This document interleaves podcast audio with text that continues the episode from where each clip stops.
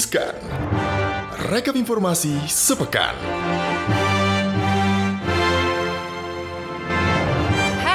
Sobat Cuan. Halo Sobat Cuan, apa kabar? Selamat pagi, selamat siang, selamat sore, selamat malam, dan selamat apa pun. Iya, selamat datang di Riskan edisi 14 Agustus 2020 Betul sekali. Ini An- menjelang long, eh, apa ya, bukan weekend sih, Bukan tapi Senin weekend. libur. Senin libur, Selasa Rabu masuk. Pokoknya ya kalau Anda ambil cuti Selasa Rabu Anda long weekend paling panjang mungkin ya.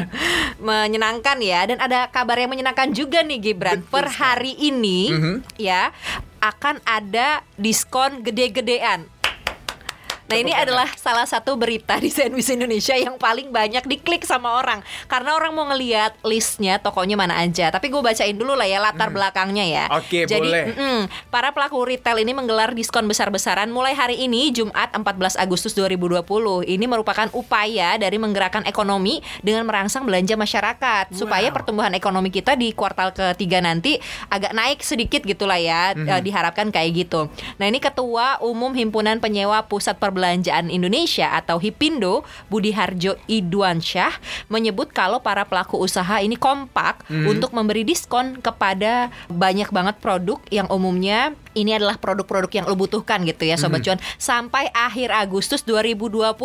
Wow Nah, ini diharapkan dengan diberikan diskon ini mampu mengganti pendapatan para peritel ini gitu yang biasanya diraih pada masa lebaran lalu. Kan lebaran kita dalam pandemi ya, Betul. mungkin belanja atau konsumsi masyarakatnya juga menurun. Nah, jadi Benar. semoga aja diskon di Agustus ini bisa menggantikan pendapatan itu untuk para pelaku retail. Benar Dan buat sekali. kita jadinya kita bisa lebih hemat. Jadi membooster juga kan tentunya per apa ya perekonomian para pelaku retail ini Betul. menggantikan duit-duit yang telah lama hilang dan Ah, ah. tak kunjung-kunjung dinanti pada saat Betul. lebaran kemarin. Nah ini masih kata Pak Budi Harjo tahun ini nih ini adalah pertama kalinya diskon Wow. itu dikasih kalau lo belanja online maupun offline. Biasanya kan kalau diskon lebaran gitu ya atau Hmm, event itu offline gitu offline, lo harus datang ke mall gitu Hmm. kan apa midnight sale gitu. Ini enggak lo belanja online pun juga bisa gitu.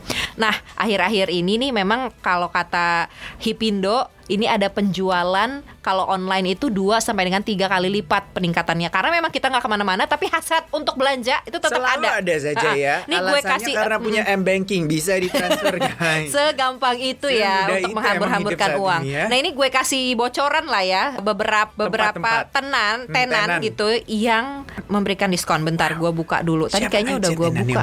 Dan ini kayaknya sobat cuan lu eh, ini udah agak tanggal tua ya kalau ini ini tengah-tengah bulan ya. Kalau anda nggak punya side job, anda nggak nggak bisa belanja banyak-banyak ya. Eh jangan salah kalau misalnya dia sultan bisa, Bisa, kapan pun. Kalau Sultan, kalau misalnya yang eh, agak pas gitu kan, ini udah masuk zaman-zaman zona-zona kritis gitu kan.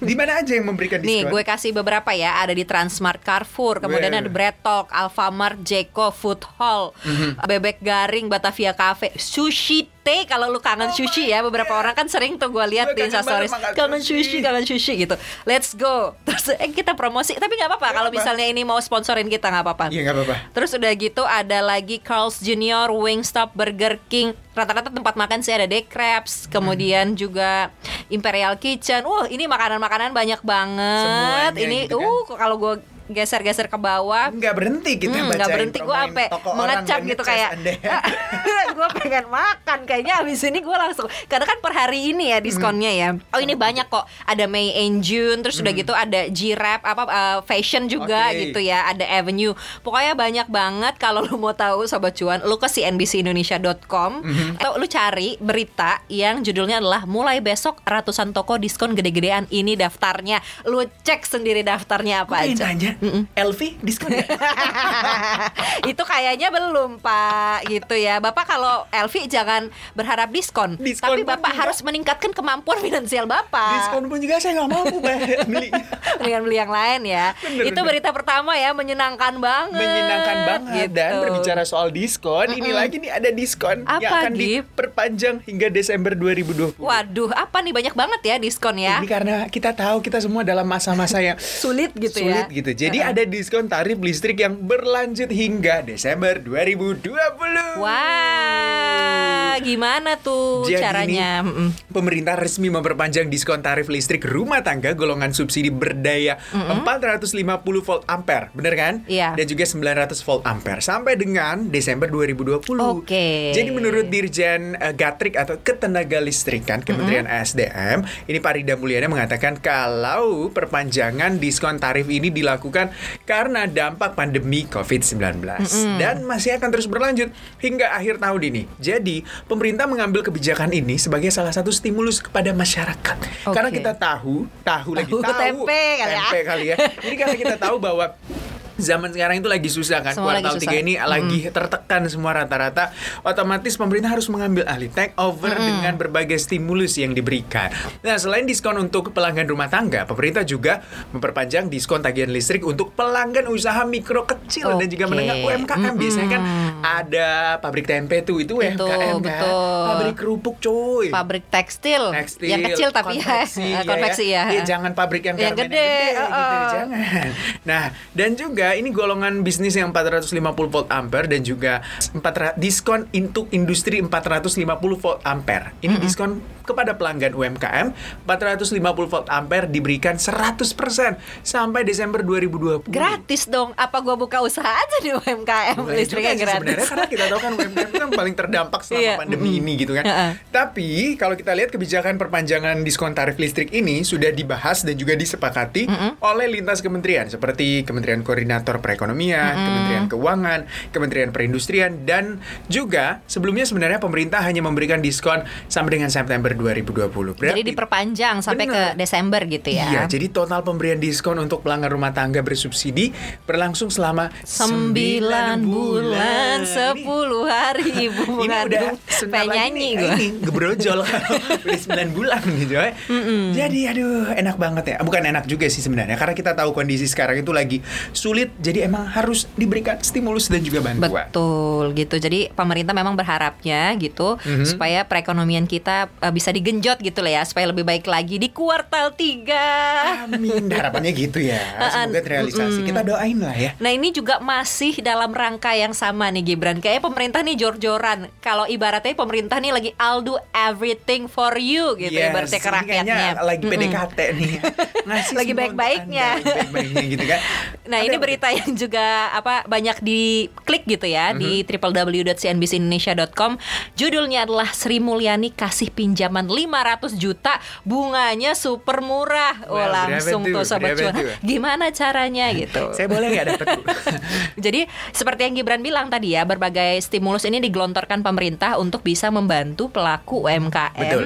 supaya bisa bangkit di tengah pandemi virus corona atau COVID-19 ini gitu. Hmm. Pemerintah sudah menyiapkan anggaran sebesar 123,46 triliun rupiah Wow, untuk membantu memulihkan UMKM.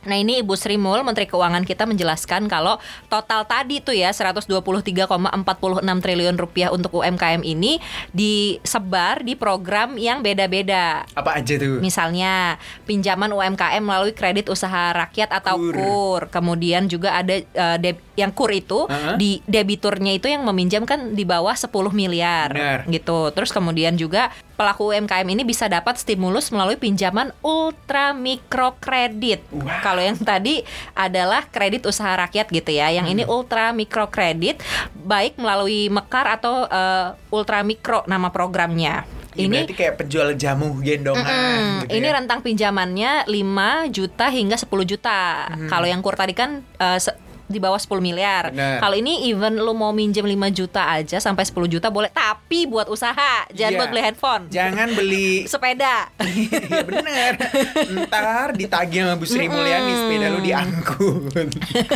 Jadi eh, Bu Sri Mul bilang kalau eh, dengan menggunakan stimulus ini gitu ya, semoga saja subsidi bunga dan estimasi jumlah pinjaman Mhm. gitu ke UMKM ini makin besar dan makin merata. Eh tapi gue ngomong-ngomong soal sepeda Kalau penjual sepeda itu UMKM gak sih sebenarnya? UMKM kalau dia sepedanya kayak cuma jual 5 Iya gitu. jangan Brampton.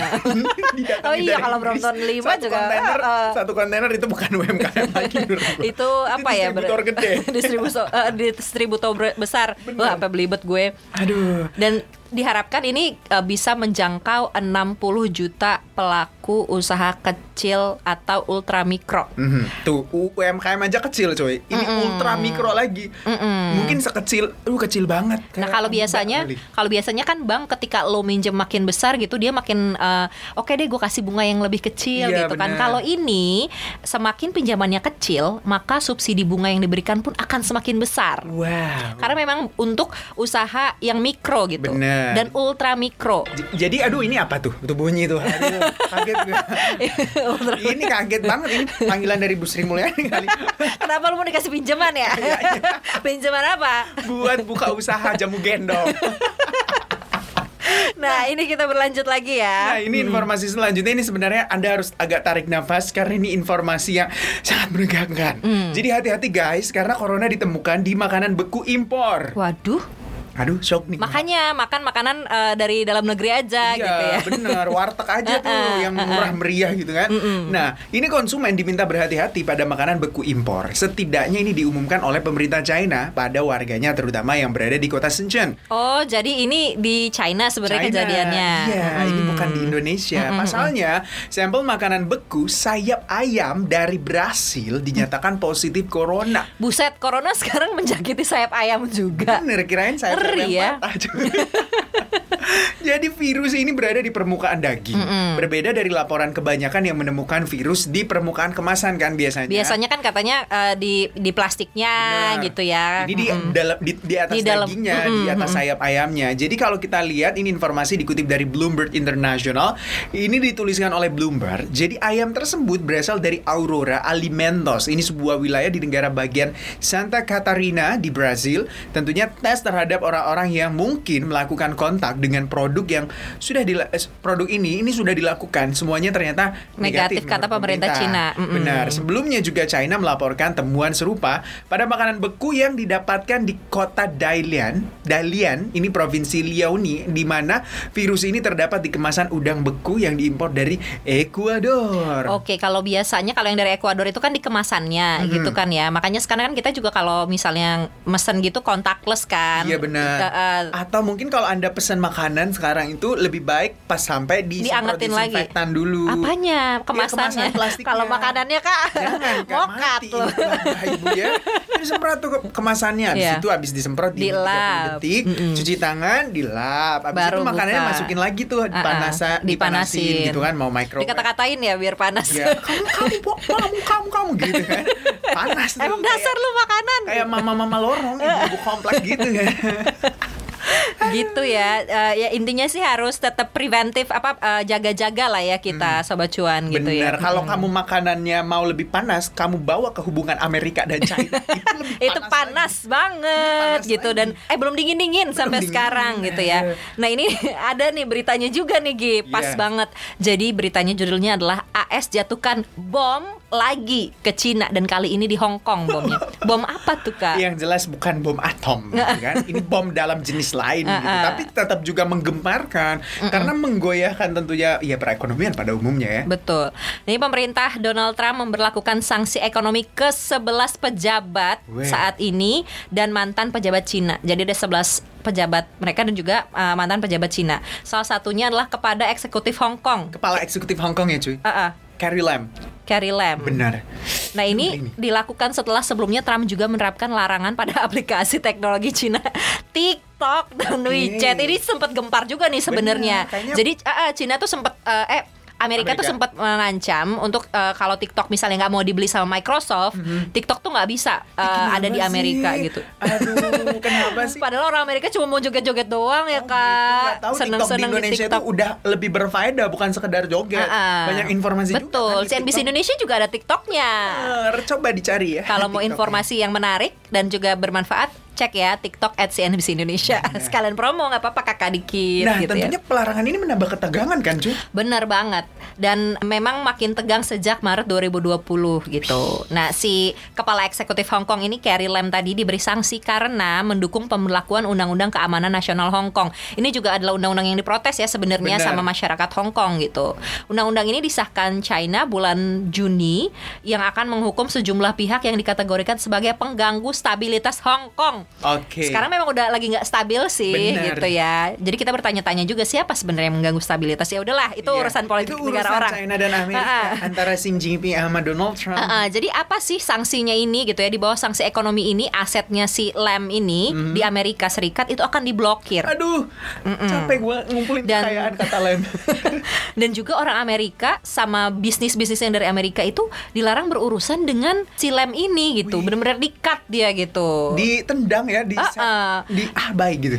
Ini dinyatakan Amerika Serikat dalam pengumuman resmi Departemen Keuangan gitu. Wah. Dan ini katanya ya, tindakan ini gitu dilakukan untuk mengirimkan pesan yang jelas bahwa tindakan otoritas Hong Kong itu tidak dapat diterima. Hmm. Jadi Amerika Serikat tuh nggak suka kalau Hong Kong tuh lebih berat ke China Oke, gitu. jadi maunya berat ke mana? Ke Ah, Amerika gitu. ah. Nggak tahu sih itu terserah hubungan.